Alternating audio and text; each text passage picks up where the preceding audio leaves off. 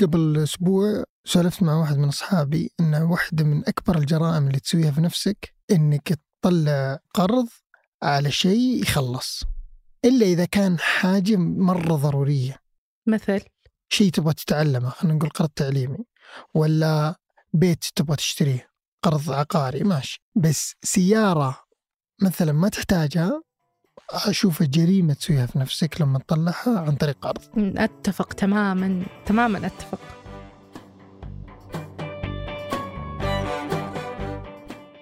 هذا بودكاست الفجر من ثمانية بودكاست فجر كل يوم. نسرد لكم فيه سياق الأخبار اللي تهمكم. معكم أنا وفاء العبد العالي. وأنا تركي القحطاني.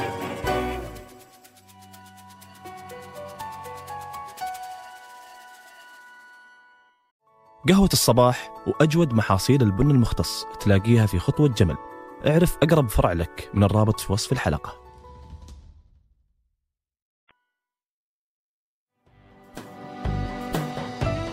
I am sorry that they, uh, you know, are finding themselves in this situation based on assurances they got from me. الرئيس الأمريكي السابق باراك أوباما مثله مثل كثير من الرؤساء اللي سبقوه في إطلاق وعود سياسية كثيرة. فبالنسبة لأوباما وصلت عدد وعوده 533 وعد متعلقة بأكثر من موضوع مثل تحسين الاقتصاد وحياة المواطن الأمريكي. لكن بحسب أكسيوس أوباما فشل في تحقيق 52% منها.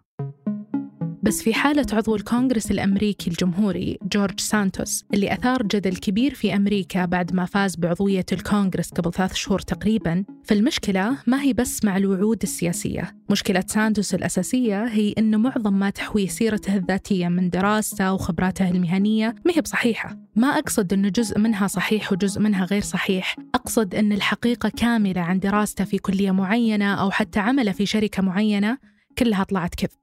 فهو بعد فوزه كشف تقرير استقصائي لنيويورك تايمز أن تاريخه اللي يقول والسيرة الذاتية اللي يعلنها عن نفسه مختلفة عن السيرة الذاتية الحقيقية له وأن عدد الأشياء الحقيقية اللي يدعيها عن نفسه وعن تاريخه المهني والدراسي أقل بكثير من الأشياء اللي زيفها أو ادعاها وهو يكذب فيها. هالكذبات هذه الكثيرة خلتها هدف لتحقيقات فيدرالية ممكن تتهم اتهامه بجرائم؟ وغير حتى هالجرائم الاتهامات هذه ممكن تخسر مقعده النيابي.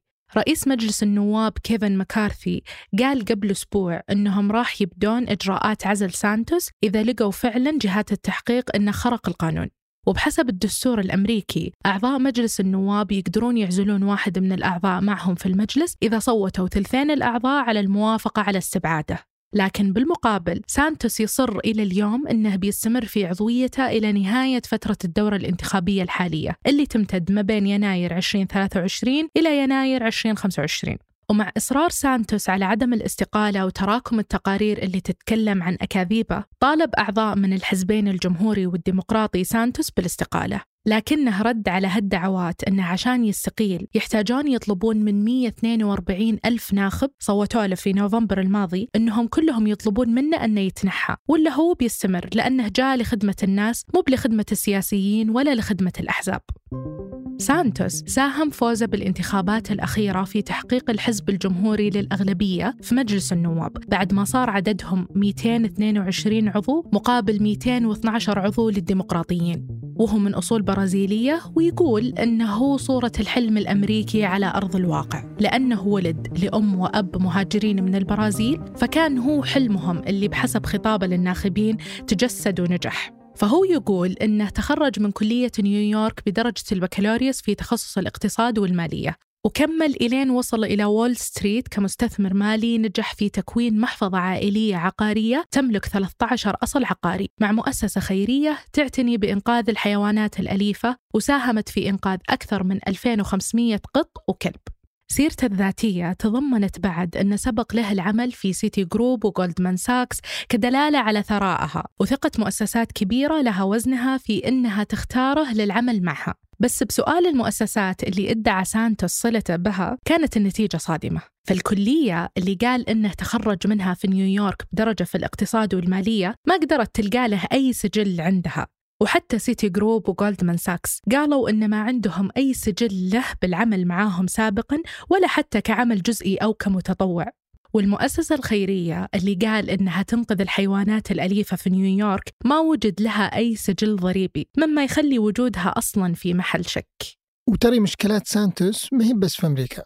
تحقيق نيويورك تايمز قال إن سانتوس في 2008 لما كان في زيارة لأمه اللي وقتها كانت تعمل ممرضة في البرازيل سرق دفتر شيكات خاص بالشخص اللي كانت والدته ترعاه واستخدم الشيكات في شراء مشتريات تخصه سانتوس بعد سنتين من الجريمة اعترف فيها ووجه له الاتهام فيها لكن القضية بقت بدون حل. والسبب إن سانتوس ما حضر أصلا جلسات الادعاء ولا مثل قدام المحكمة ورجع لنيويورك وتجاهل اتهامه في القضية تماما. وحتى انتمائه الديني يبدو أن سانتوس ما كان صادق فيه. فهو يقول أن أمه ولدت في البرازيل لمهاجرين يهود. هربوا من المحرقة النازية خلال الحرب العالمية الثانية واستقروا بعدها في البرازيل. بس السجلات الرسمية في البرازيل تقول أن جده وجدته من الأم مولودين أصلا في البرازيل من قبل الحرب العالمية الثانية. سانتوس كان يقدم نفسه كيهودي وتربى كاثوليكي بس بعد مراجعة السجلات يبدو أنها بعد كذبة انتخابية جديدة استخدمها سانتوس لتوسيع قاعدة الانتخابية وأخذ دور الضحية في جذور عائلته. ممكن يجي سؤال الحين وش اللي ممكن يواجهه جورج سانتوس الحين؟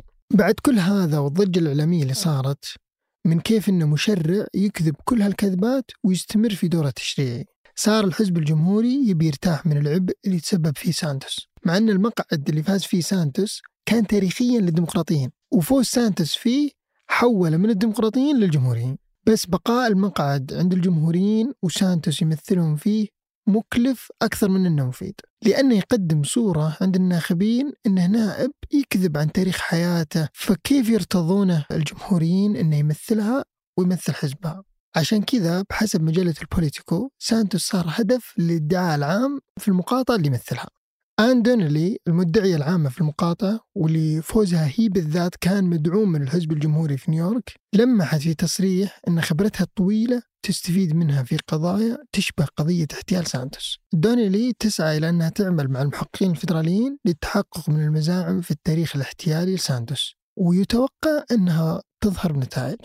وعلى مستوى مجلس النواب اللي سانتوس عضو فيه فالمجلس يحق له استبعاد أي عضو إذا حصل تصويت قرار استبعاده على أغلبية الثلثين. كيفن مكارثي المتحدث باسم الأغلبية الجمهورية في المجلس قال لبلومبرج أن سانتوس يمكن إبطال عضويته من المجلس إذا وجدت لجنة الأخلاقيات في مجلس النواب أنه انتهك قانون مكارثي نفسه كان يقول أن سانتوس يقدر يستمر إلى نهاية فترته لكن مع تزايد انكشاف الكذبات على سانتوس مكارثي أحال المسألة للجنة الأخلاقيات اللي تحكم فيها. وعضوية مجلس النواب ما تتطلب أي موافقة أمنية مسبقة من السلطات في أمريكا. اللي يتطلبه أنك تنتخب كعضو في المجلس أنه يكون عمرك أكبر من 25 سنة ولك من أخذك الجنسية الأمريكية سبع سنوات على الأقل. وإنك تعيش في الولاية اللي تترشح عن تمثيلها. فإنك تكذب في سيرتك الذاتية ما في أحد قانونا يقدر يتأكد أو تصير عنده صلاحية أصلا أنه يوافق أو يصادق على حقيقة ما تقوله للناس عند ترشحك. بس بحسب كيتي ساندرز رئيس التحرير بوليتي فاكت وهو موقع تأسس من 2007 مهمته يدقق في اللي يقولون السياسيين في أمريكا ويحدد مدى مصداقيته كيتي تقول أن السياسيين ما يقولون كل الحقيقة إيه بس أنهم ما يكذبون بالاتساع والعمق اللي كذبه سانتوس على ناخبينه. ومع كل هالضغط اللي يواجهه سانتوس ما يبدو إنه قادر على إكمال السنتين، حتى لو بقى رافض لطلبات الاستقالة اللي تجيه من زملائه في مجلس النواب، لأنه الآن صار هدف للتحقيق في مزاعم الانتهاكات اللي سواها، وصار ما يواجه بس ضغط الإعلام وسيلتهم، صار الحين هدف للجهات العدلية والادعاء في نيويورك، فمع كل ما يحيط بسانتوس ويمر فيه، يظن كثير من المراقبين إن أيام عضو مجلس النواب صارت معدودة، وإن قدرته على دخول عالم السياسة مرة ثانية صارت صعبة لأن من يكذب مرة بيصير في نظر الناخبين يكذب كل مرة. وقبل ننهي الحلقة هذه أخبار على السريع. خبرنا الأول عن تعيين كريستينا واين كمديرة تنفيذية ل MBC Studios الذراع الإنتاجية اللي أطلقتها قناة MBC في 2018 لتعزيز إنتاجها السينمائي. وتعتبر واين من أبرز المنتجين الأمريكيين. كونها أشرفت على تطوير وإنتاج Breaking Bad وغيرها من المسلسلات المعروفة. وبحسب التقارير تعيينها بهالمنصب يعكس رغبة MBC اللي نقلت مقرها مؤخرا من دبي للرياض في إنها توصل محتواها للأسواق العالمية وتساهم في تطوير صناعة الأفلام في السعودية.